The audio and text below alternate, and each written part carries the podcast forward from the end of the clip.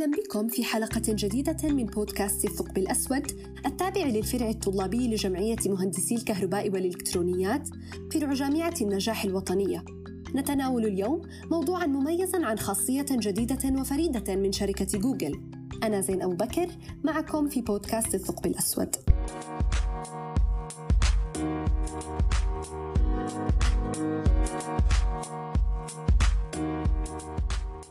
هل حدث وأن خطرت ببالك أغنية تعرف كلماتها أو لحنها لكنك لا تعرف اسمها؟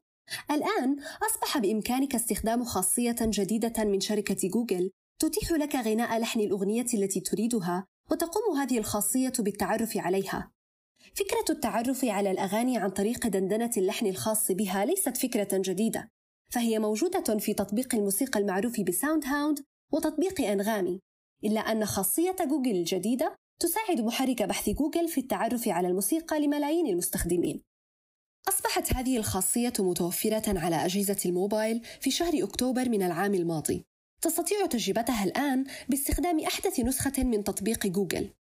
اضغط على أيقونة الميكروفون وقل What's this song؟ وابدأ بدندنة لحن الأغنية المفضلة لديك أو أي أغنية تعرف لحنها لمدة عشرة أو خمسة عشر ثانية أو قم بتطبيق الخطوات ذاتها باستخدام مساعد جوجل Google Assistant. وبالمناسبة لا يتطلب ذلك دندنة أو لحنا دقيقا.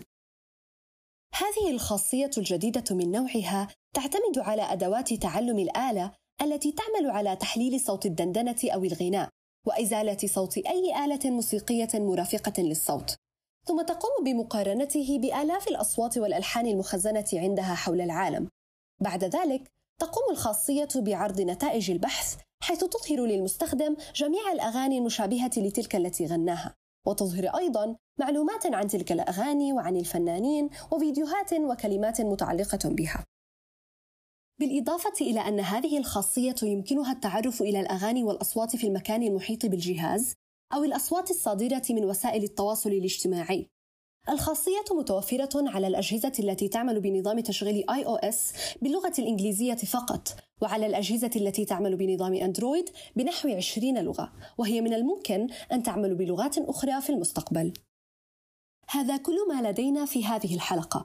انتظرونا في الحلقات القادمة في مواضيع جديدة.